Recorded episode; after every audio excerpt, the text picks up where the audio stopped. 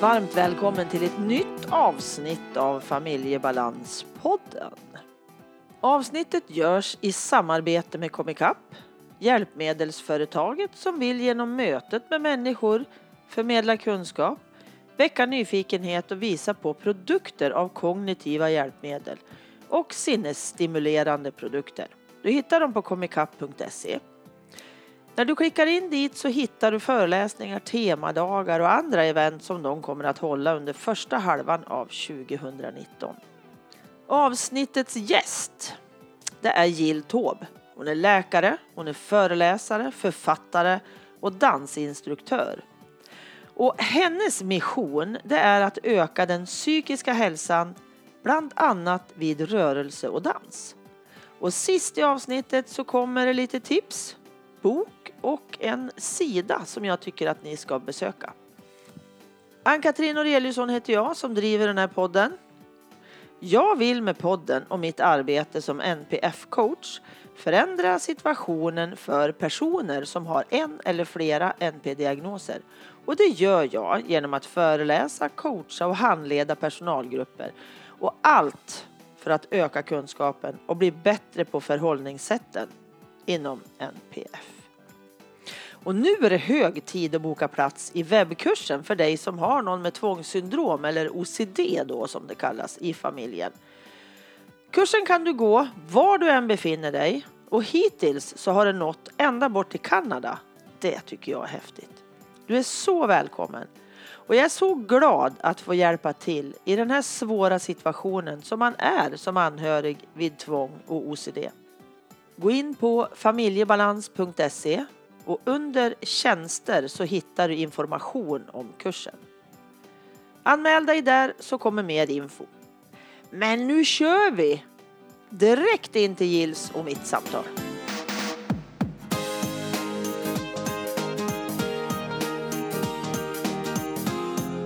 Hej Jill! Hej Ann-Katrin!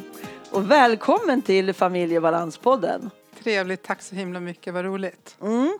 Det här är lite extra spännande för att jag sitter inte hemma med mitt skrivbord idag utan jag sitter vid ditt köksbord. Ja, och där har du varit förut. Där har jag varit Ja. förr.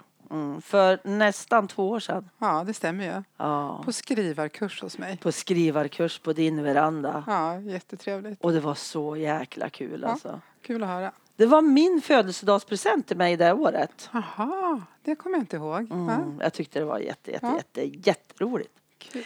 Men först innan vi går in i ett samtal så här om alla möjliga intressanta saker så får du berätta lite, vem är du? Jag heter Jill, förnamn Taube, Jill Taube. Jag är psykiatriker.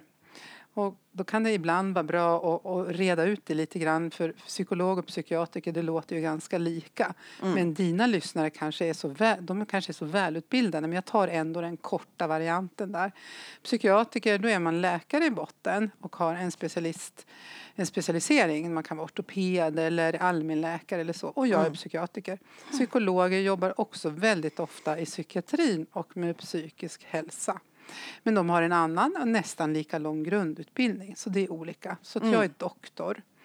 Eh, Jag brukar kalla mig för någonting som inte finns. Det låter ju konstigt, men så är det. Jag brukar kalla mig för en folkhälsopsykiatriker. Och det kan man inte vara. Det finns ingen sån benämning. Men för mig har det blivit så att jag har jobbat nära folkhälsofrågor och gör fortfarande. Eh, Så jag brukar kalla mig för det och det kommer nog att framgå framöver i samtalet nu vad det är som gör att jag vågar säga någonting sånt kaxigt liksom. Är det kaxigt? Jag vet inte. Nej. Nej, det tycker jag är jättebra att man ger sig sina egna benämningar där man känner Ja. sig hemma, tänker jag. Ja, jo, men Det tycker jag blivit en bra, en bra eh, samlande beteckning eller benämning snarare. Jag läste lite på vägen hit till dig så tittade jag, det var inte jag som körde utan jag satt bredvid. bra att du sa det. Ja. Så jag läste lite på din eh, hemsida om eh, vad du har gjort Mm. lite här på senare år och då såg jag att du var med och eh, nu får du rätta mig om jag har fel. Det här med FAR Mm.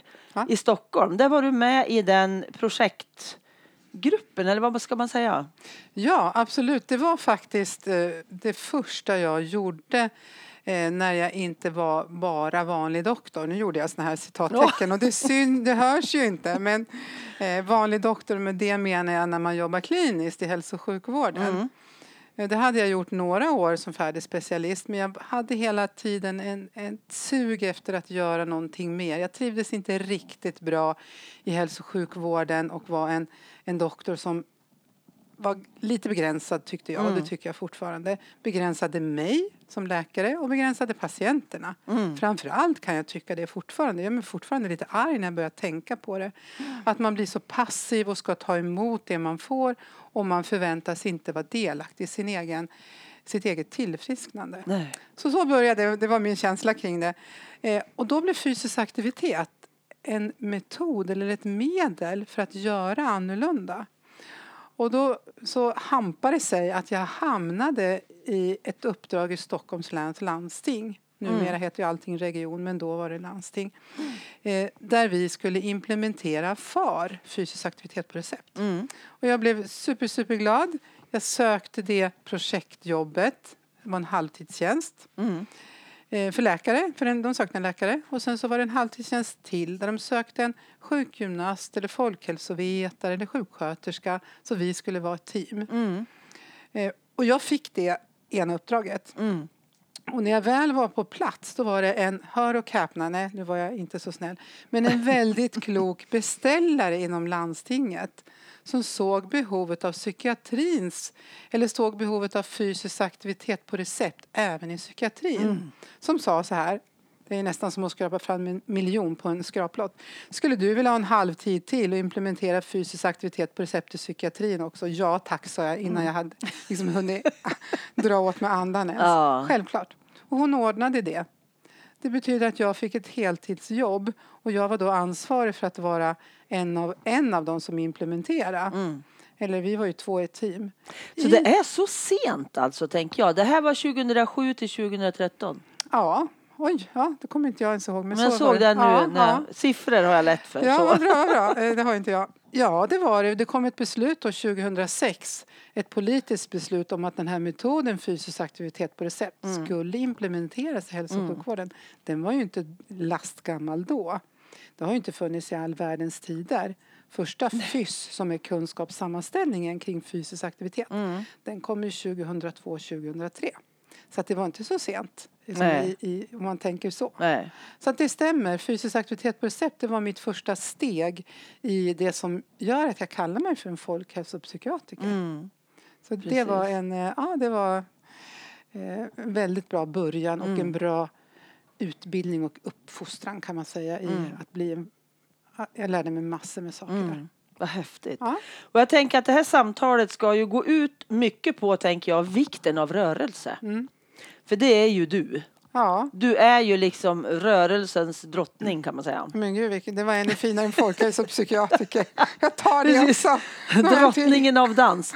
Ja men alltså det är ju så, för det, så känner ju jag Ja, till vad dig, både Ja. som författare, psykiatriker och den här dansglädjen du har och rörelsen Mm. och att det gör jättemycket för den psykiska hälsan. Jätte, jätte, jättemycket Ja. gör det. Så det kan man säga, men jag hakar på där, för det blir liksom ett flöde i det. Jag, jag, det jag sa nyss, att jag var lite frustrerad och instängd i vanliga doktorsrollen och tyckte Mm. att de patienter jag mötte också blev lika instängda. Mm. Och då blev jag att gå vidare med fysisk aktivitet ett sätt. Mm. Att utveckla det eller att göra lite annorlunda.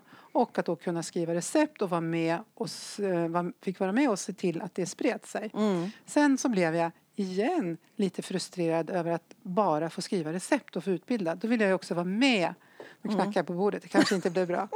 Jag ville också vara med i själva rörelsen. Jag ville Mm. också vara med i aktiviteten. Mm. Det var då dansen eh, i mitt liv föddes som, som en metod. Mm. Så att det, man kan säga att det har varit två viktiga steg. Mm. Och jag släppte ju inte det ena för att det andra kom till. Nej. Så att både det här att föreläsa, utveckla och jobba i olika projekt på olika sätt, det har funnits med. Mm. Men sen att starta en dansverksamhet, det har ju varit helt och hållet mitt eget beslut. Mm. För jag vet att när du föreläser Ja, då bryter du och har, alltså pausen är rörelse. såklart. Ja, Ja, givet. Mm. Ja, så är det. precis. Jag är inte ensam om det, det måste jag också sägas. Men jag säger numera alltid att jag tar inte ett jobb om jag inte också får ha en, en eh, fysisk aktivitetspaus eller en aktiv paus brukar jag kalla det för. Mm. Och sen får man läsa in eh, åhörarna, publiken, vad är det för, vad är det för sammanhang givetvis. Mm. Men nu börjar det bli så också att en del kanske väljer mig därför att de vet att det blir ganska roligt när man dansar mm. några minuter och de flesta vågar och sådär. Mm. Så det är ju faktiskt jättekul. Mm. Men vad är vinsterna med rörelse då? Vad är det som händer i oss? Ja, det var ju nästan 10 000 kronors fråga så nu måste jag bena upp på något sätt. Mm. Man, kan ju, man skulle kunna skära, skära det på väldigt många olika sätt. Mm. Man kan ju säga fysisk aktivitet för oss alla. Om man då pratar på populationsnivå då tänker vi eh, vinsten för folkhälsan. Mm. Så nu är jag lite grann folkhälsopsykiatriken. Eh, och så skulle vi kunna prata specifikt fysisk aktivitet som en behandlingsmetod för olika diagnoser. Mm. Och där är min kunskaps, mitt kunskapsområde är ju då psykiatriska diagnoser. Mm. Då tar vi det, vi tar jag. Det. Ja, vi tar det. Vi tar bra, det, då fick du välja där. Det varit lite så här smörgåsbord. Ja. Eh, Ja, fysisk aktivitet som behandling. Mm. Och du började prata om det förut, Ann-Katrin, fysisk aktivitet på recept. Mm. Det är metoden. Eh, och den eh, skapades, kan man säga, forskades fram ungefär samtidigt som, kom, som det kom eh, ganska rejält med vetenskapliga studier och evidens, alltså vetenskap mm. sammanpackad, mm. för att fysisk aktivitet fungerar. Både som eh, prevention, det vill säga att förebygga, men också som behandling. Så att det är FYSS som betyder fysisk aktivitet, sjukdomsprevention och sjukdomsbehandling. Och som man så snitsigt fick till. Man tog FASS och så bytte man till ett Y. Ja, just det. Yes, det är jättesnyggt. Tänkte inte på det. Ja, ibland skriver ja. jag fel när jag, liksom när jag är doktor. Så säger jag, har ni någon FYSS här? Så här. Så, okay. Ja, just det, det finns ju läkemedel också. Ja. Eh, det ska jag inte skoja om på det sättet. Självklart är bägge delarna jätteviktiga. Mm. Och eh, då så fanns det också i första FYSS, jag kom med ungefär till den andra utgåvan som kom 2008. Då drogs jag in i ett samarbete. Då fanns det kapitel om depression, ångest och schizofreni. Okay. Jag hade mest att göra med depression och ångest och lite, lite på en kant med schizofreni.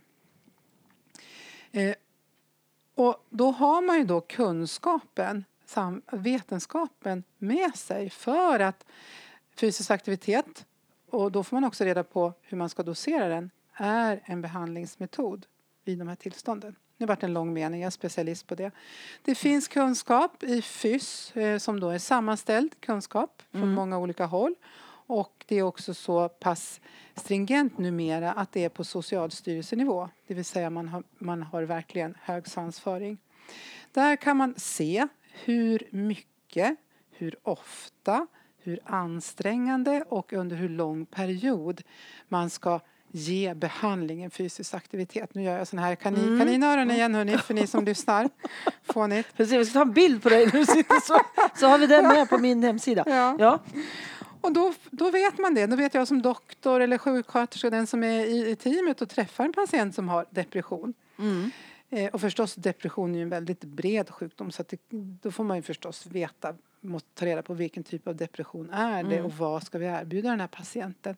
Ska vi lägga till det till läkemedel eller första behandlingen och mm. så vidare. Mm. Så alla de här vanliga kliniska eh, funderingarna och besluten de sker ju hela tiden. Mm. Och fysisk aktivitet finns då med som en del utav eh, man säga, arsenalen.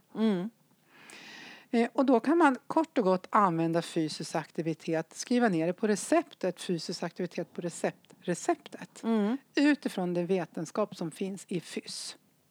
Okej. Okay. Ja, så så det... där kan man slå upp liksom? Ja, absolut. Aha. Aha, ja. Jag har säkert någon här, eh, det har jag nog. Uh -huh. Jag har inte tänkt på att lägga fram någon litteratur men det heter FYS istället för FASS för er ja. som lyssnar. Och det finns också på nätet. Okay. Eh, och då är det ju så, då kanske det på depression står att man ska eller jag vet ju precis vad det står för jag har varit med och skrivit kapitlen där. Ja. Säg tre gånger i veckan, 45 minuter. Eh, och sen har man ju då också eh, angivit en ansträngningsnivå. Det vill säga lätt, eh, måttlig eller ganska tung ansträngningsnivå. Då tänk, nu är det kondition vi pratar om i förhållande till den personens kondition. Det är Mm. olika. Det Ska man testa sin kondition då liksom på något vis eller hur då? man ska i alla fall som sjukvårdspersonal när man skriver ett recept ha ett hum om det här. Och för att man som personal ska få skriva ett recept så ska man ha en legitimation. Läkare, sjuksköterska, Mm. sjukgymnast, de heter ju numera fysioterapeuter. Mm. Eh, Det finns ju fler med legitimation. Och för att man ska göra det här lika bra som man gör någonting annat så ska man vara utbildad i metoden. Och då är det inte så att man kan testa konditionen för varje patient, det bär lite väl långt. Men man ska förstå vad ansträngningsgrad är och man ska förstå eh, att det kan vara olika för olika människor. Mm. Om man inte har tid att göra det eller inte kan det då ska man också förstå att då får man ta hjälp av någon som kan, till exempel en fysioterapeut. Mm. Men eh, i, i de flesta fall så kan man också komma ganska långt med ganska eh, jag, sunt förnuft Mm. kring ansträngningsgrad. En lite grund... Lite Tanke liksom, Ja, ja. ja. hur ansträngd blir du om, om, du, om du går snabbt? Eh, när du joggar lätt, blir du väldigt flåsig då? Så att, eh, vad vill jag komma med det här? Jo, att i förhållande till den, en individ, den patient som ska röra på sig, så är det ansträngningsgraden. Mm. Och det, jag- jag började nu att tänka på att det var det som står i FYS då kring depression, om det står 35 till 40 minuter tre gånger i veckan, det är en måldos. Det vill säga det här vet man. När man har gjort det här i studier så har man sett att inte alla, men de flesta har blivit bättre i sin depression. Det vill säga reducerat symptomen så att diagnosen är borta. Eller fått eh, lägre eh, tal på gäller Mm, depression. mm. Så. Och, olika vad det var för studie. Eh, men man kanske inte kan börja där. Om man är jättesjuk och inte har rört sig på länge eller haft en väldigt svår depression som man är på väg ur med Mm. hjälp av läkemedel. Och nu är det läge att lägga till fysisk aktivitet. Aha. Då kanske man inte orkar Nej. med 35 minuter. Då får man kort och gott titrera upp dosen.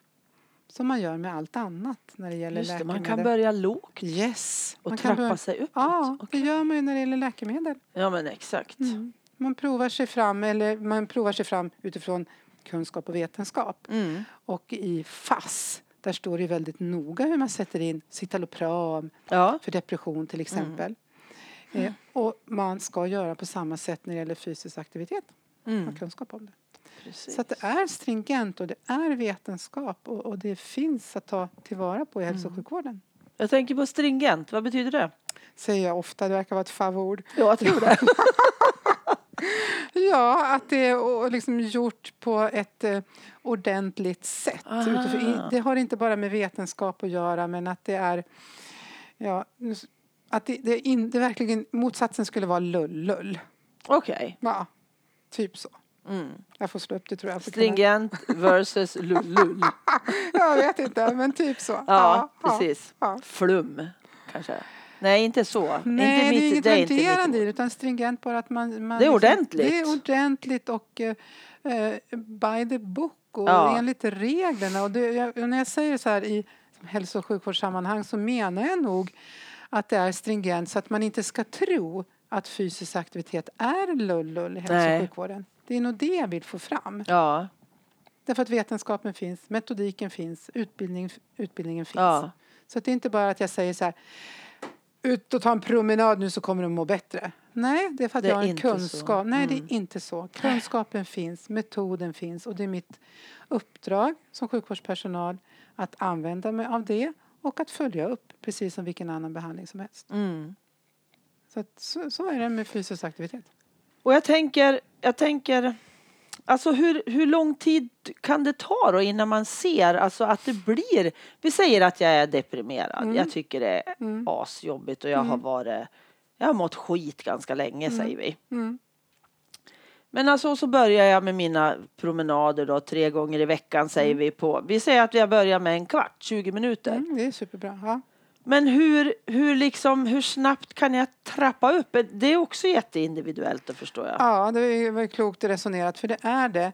Eh, och då frågade du först hur länge Mm. ska jag hålla på innan jag kan förvänta mig effekt. Mm. Och det vet vi också. Precis som man vet att SSRI, alltså läkemed- en del av läkemedel mot depression, tar x antal veckor på sig för att Mm. höja koncentrationen av serotonin och så vidare.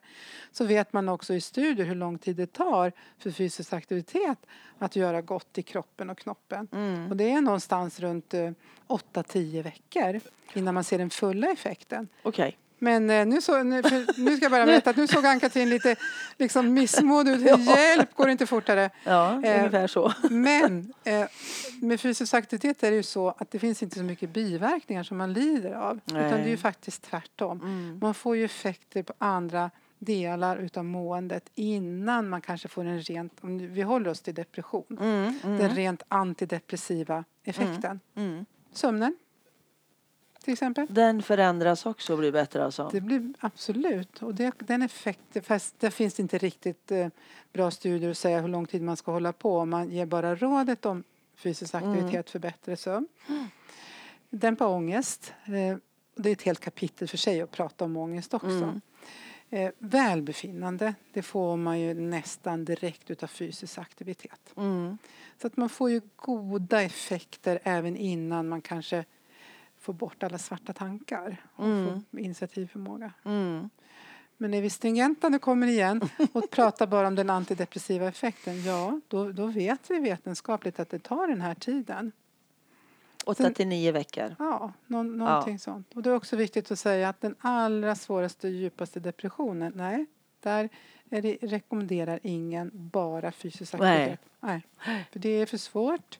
Mm. Eh, och troligtvis är det också så att det är för svårt då att bli aktiv när man är som Mm. allra mest deprimerad. Mm. Jag tänker bara ta steget att klä på sig och gå ut. Ja. Om jag mår så dåligt så jag Ja. knappt vill leva, då är ju det liksom för stort. ja, det är för stort. Då måste jag liksom upp, Ja. tänker jag. Med medicin, den där första nivån, så jag faktiskt kanske eh, kan orka ta tre steg ute. ja, precis så är det. Att det ena är- utesluter inte det andra. Det gör det absolut inte.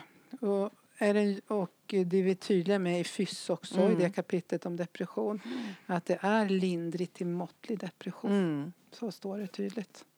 Precis. Så där kommer igen det här vetenskapliga, fyrkantiga på ett bra sätt. Mm. Så att FYSS är som FASS, fast det är Mm. helt olika Mm. saker. Ja. Precis. Det är jätteroligt att, att kunna prata om det på det sättet.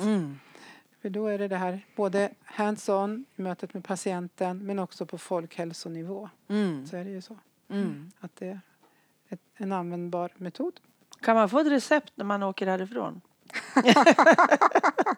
Du Fast du jobbar inte på lördagarna kanske? Vi jobbar ju för fullt nu, både Ja, du och precis. jag. precis. Men eh, nu ska jag ställa frågan så här. Ja. Hur mycket tror ni att det stör om vi... Jag säger till, till, till ljudteknikern som sitter där. Hur mycket stör det tror du om vi reser oss upp försiktigt i ljudkvaliteten?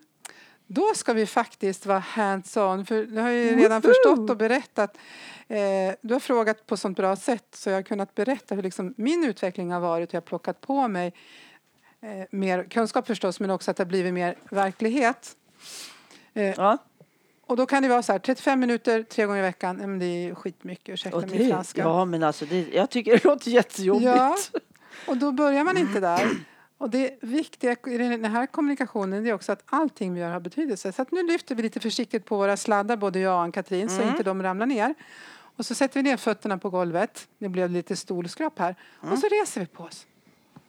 Nu så står vi upp här med våran lilla inspelningsapparat Ja. här mellan oss. Eller hur, det gör vi.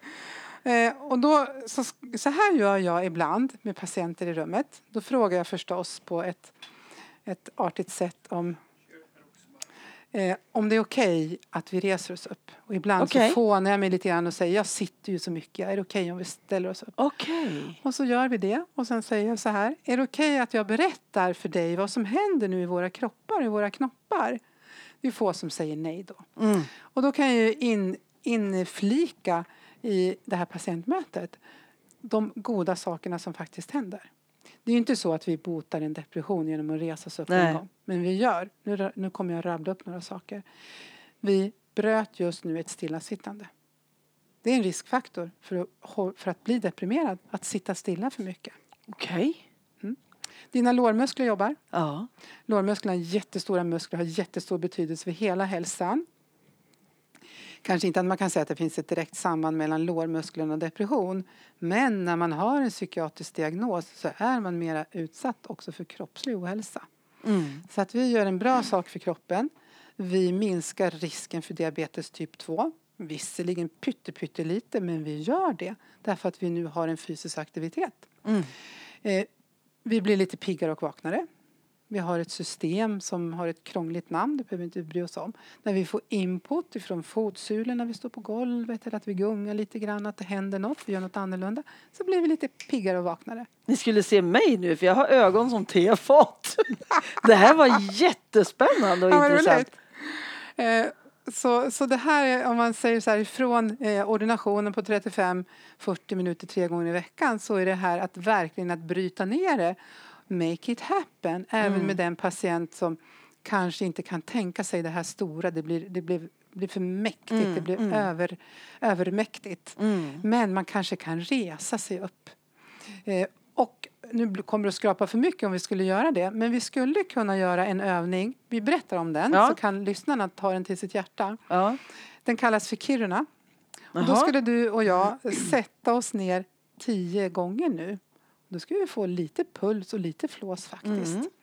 Och det är en, eh, faktiskt en läkare, en professor som har myntat det uttrycket. Mhm. Eh, och hon träffade på en, en eh, dam som var väldigt gammal och det råkade vara i Kiruna. Och den här damen hon var så himla pigg och liksom så, så, så ärtig och, och så mycket kraft fast hon var någonstans långt över 80. Mm. Och då frågade Maj-Lis, som den här professorn heter, Maj-Lis Helenius, Helenius, vad är det som har gjort dig så här pigg? Mm. Jo, sa den här damen, jag tror faktiskt att det är så här att du vet, varje gång jag reser på mig så gör jag det tio gånger. Wow. Så sen dess har Maj-Lis myntat det här uttrycket, Ja. en Kiruna. Jag kör det varenda gång jag får tillfälle. Ja.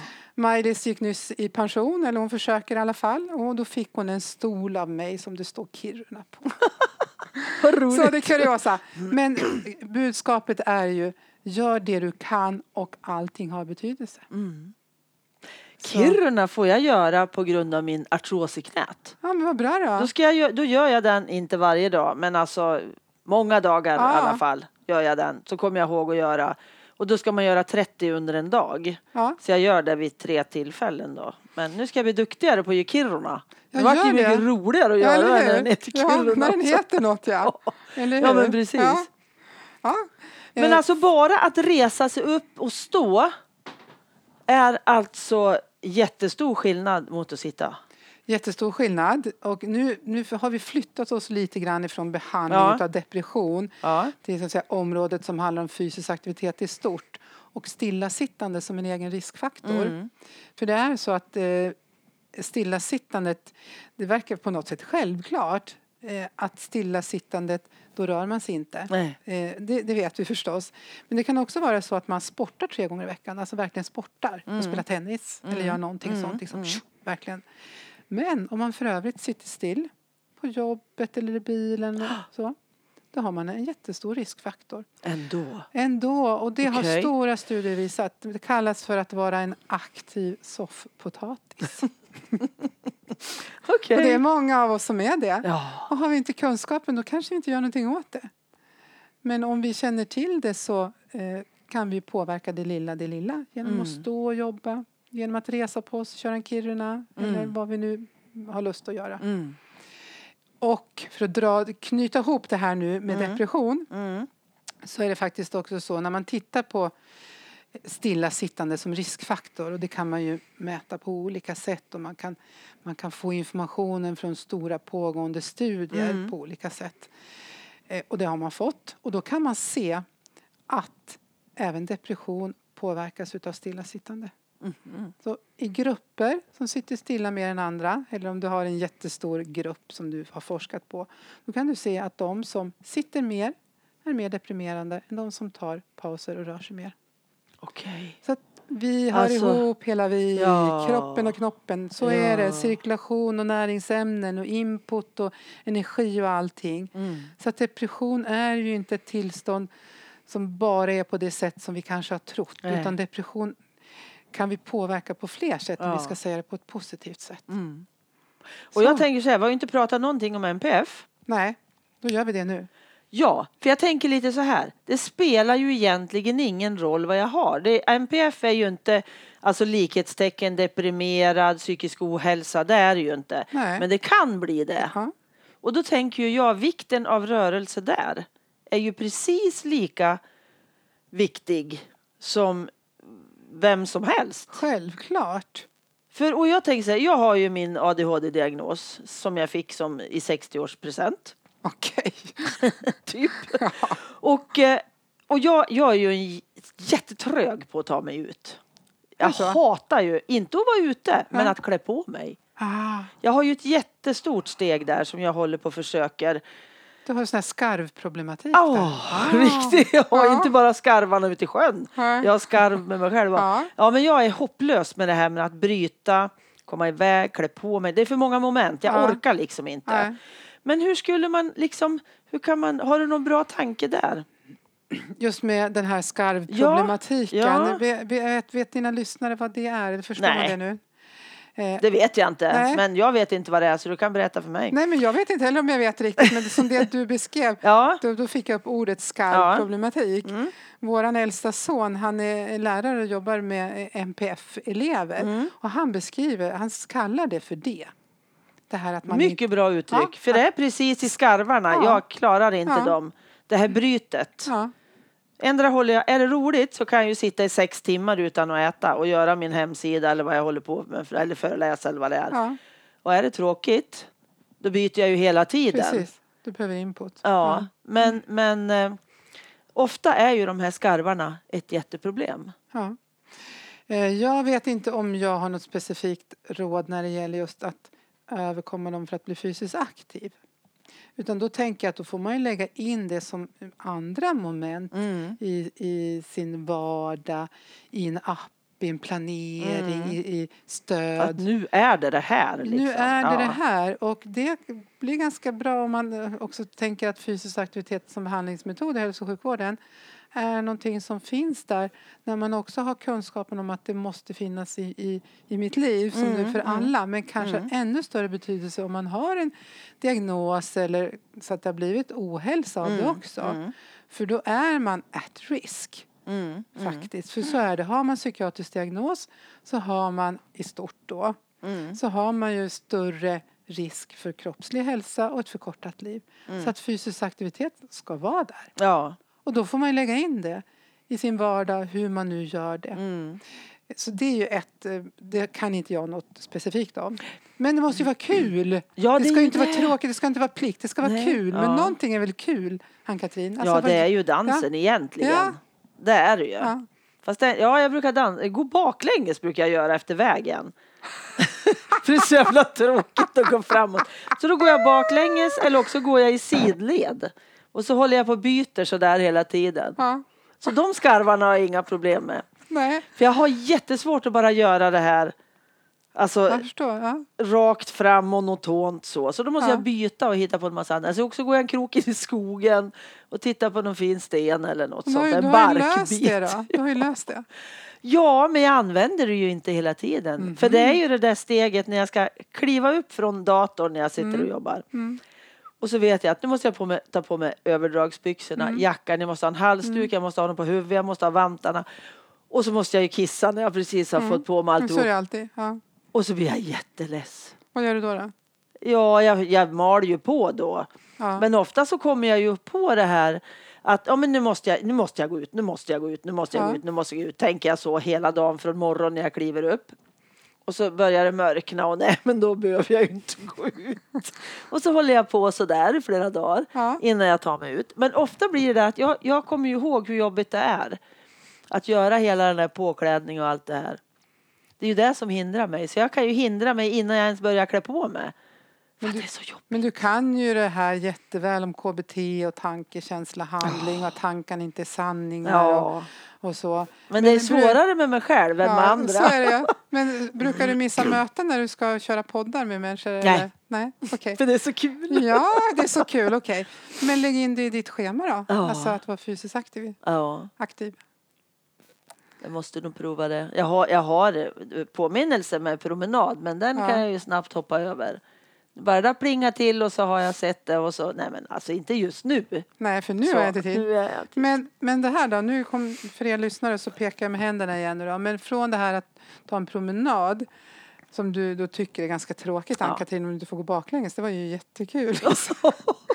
så eh, det är ju en ganska stor grej och det blir ibland tråkigt. Eh, Men att resa på sig och göra en Kiruna, det, är, Visst. det är inte fy skam. Eller ha en yogamatta eller ha, vänd, vrid huvudet lite grann så ser du vad jag har där. Några här ke- kettlebells Ja, för jag har, jag har inte svårt att komma iväg men jag har svårt, jag saknar lite styrketräning i mitt liv. Och det har jag svårt för det tycker jag är tråkigt. Mm. Jag är också så väldigt lustdriven.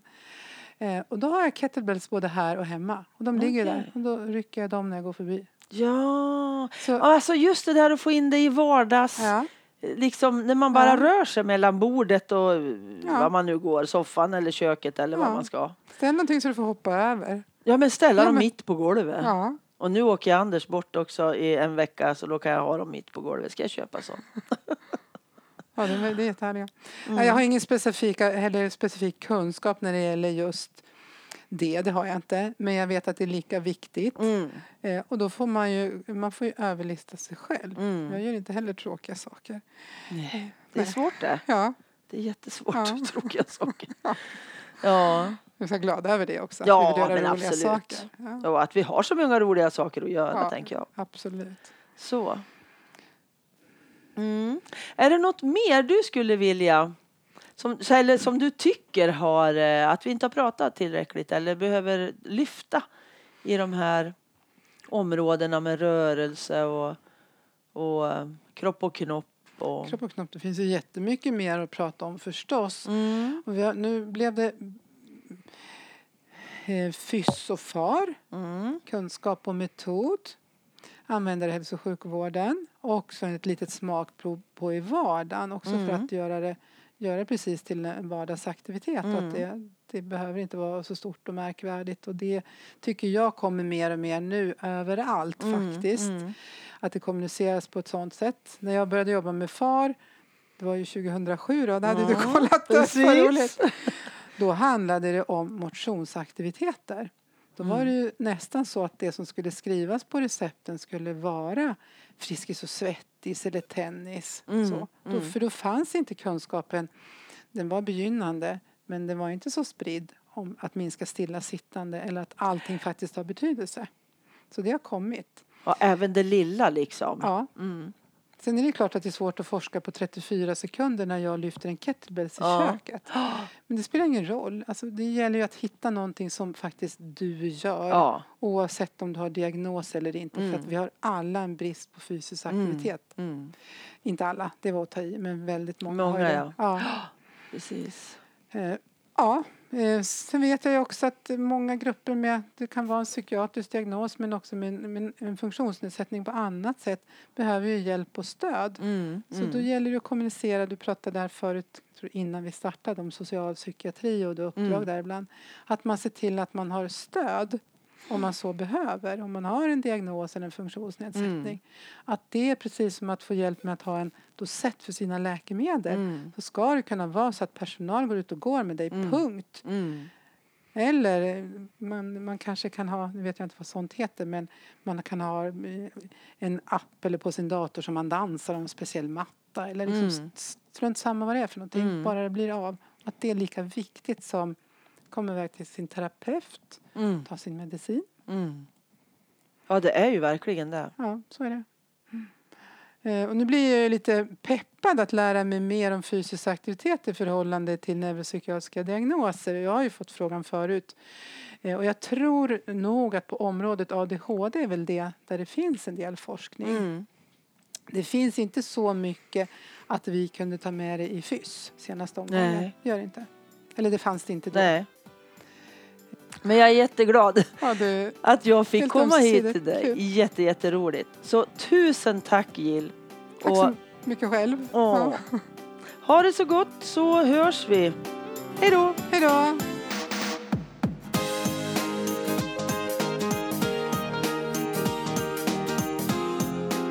Boktipset.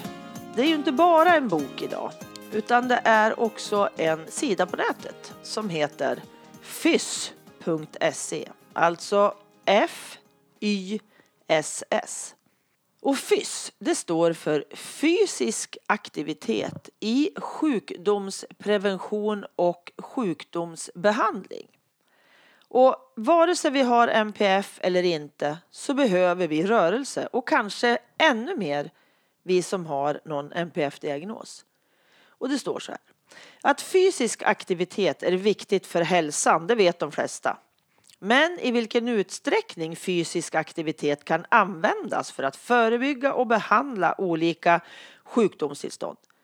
Vilka typer av fysisk aktivitet som är mest lämpade för olika grupper och vid olika tillstånd samt vilka eventuella risker som är förknippade med fysisk aktivitet. Det är inte lika självklart. Den evidensbaserade handboken FYSS, fysisk aktivitet i sjukdomsprevention och sjukdomsbehandling, visar vägen. På denna webbplats finns 33 av totalt 53 FYSS-kapitel fritt tillgängliga. Så här kan du läsa massor och FYSS finns alltså också som bok, lika som FASS. Och den bok som jag vill tipsa om, det är en bok som Jill Taube har skrivit. Själ och kropp. Rörelse för psykiskt välbefinnande. Är det sant att en promenad, en cykeltur eller dans några gånger i veckan kan linda depression eller ångest? Kan man bli botad av att röra sig? Och hur påverkar fysisk aktivitet sömnen? Kan man verkligen gå för nerverna? Någon tycker kanske att det verkar lite väl enkelt med fysisk aktivitet som behandlingsmetod. Skulle kroppen kunna prata med själen? Fötterna med hjärnans vindlingar? Ja, absolut. Forskning visar att fysisk aktivitet minskar risken att insjukna i depression. Det kan lindra och bota både depression och ångest. Det ger bättre sömn och ökat välbefinnande. Allt talar för att fysisk aktivitet är bra både för själen och kroppen. Och boken innehåller flera fallbeskrivningar. Så står det om boken när jag läser på nätet. Så ett tips från mig. Kolla in de här olika förslagen. Både sidan om FYSS och boken som Jill har skrivit. Tack för att du lyssnat. Tack till Pelle Zetterberg för musiken. Till Pernilla Wahlman som fotade, till Marcus som fixade poddloggan och till Anders för att du redigerar mitt prat. Och tack till Comicap för samarbetet. Och tusen tack till dig som går in och skriver recension på Familjebalanspoddens Facebook-sida. Sånt gör mig jätteglad. Hoppas vi hörs igen. Hej då!